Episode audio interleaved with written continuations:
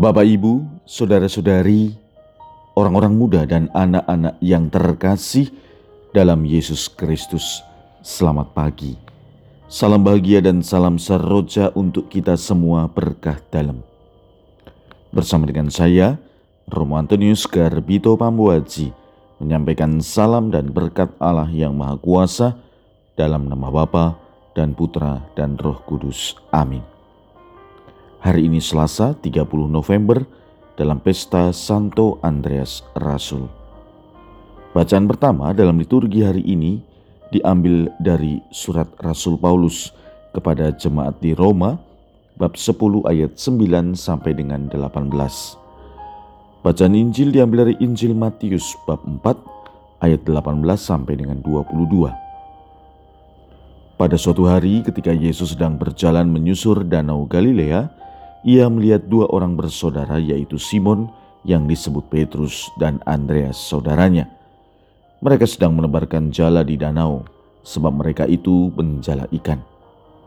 Yesus berkata kepada mereka, "Mari ikutlah aku, dan kamu akan kujadikan penjala manusia." Mereka pun segera meninggalkan jalannya, lalu mengikuti Yesus.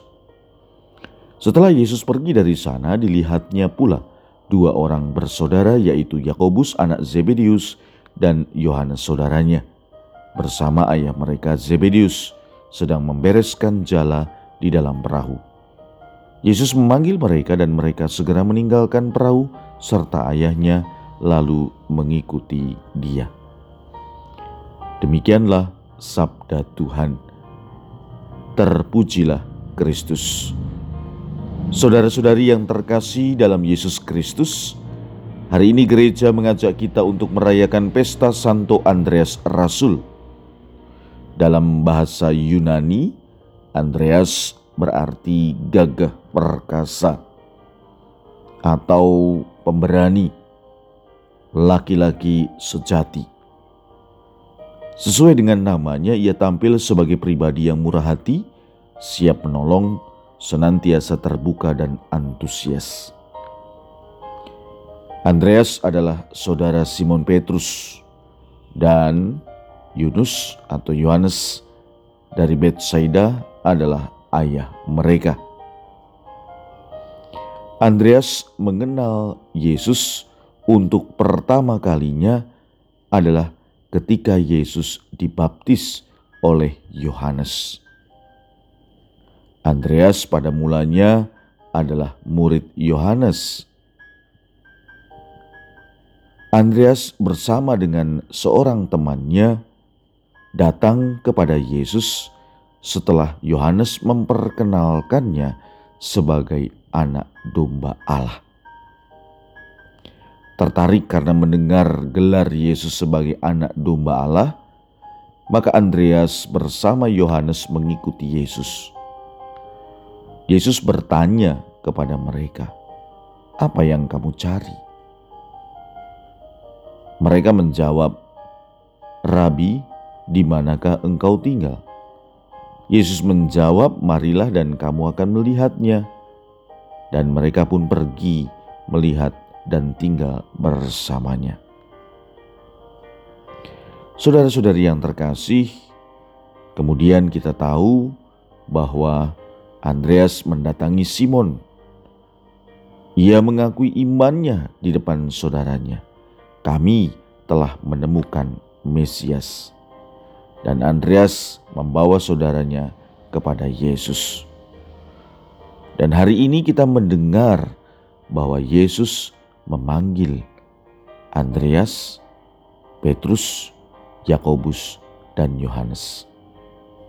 Tetapi itu bukan pertemuan pertama antara Andreas dengan Yesus. Cinta pertamanya Andreas adalah ketika Yesus dibaptis di Sungai Yordan.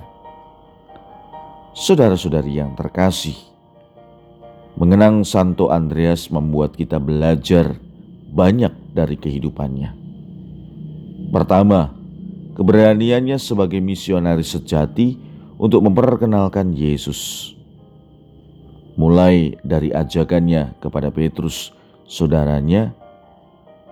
Kemudian dia pula yang membawa anak kecil kepada Yesus dalam peristiwa penggandaan lima roti dan dua ikan.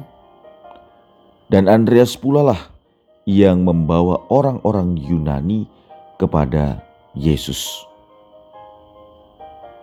Apa yang membuat ini dilakukan oleh Andreas? Karena ia juga pengakuan iman itulah yang ia katakan kami telah menemukan Mesias. Maka Andreas ingin membawa orang-orang datang kepada Yesus.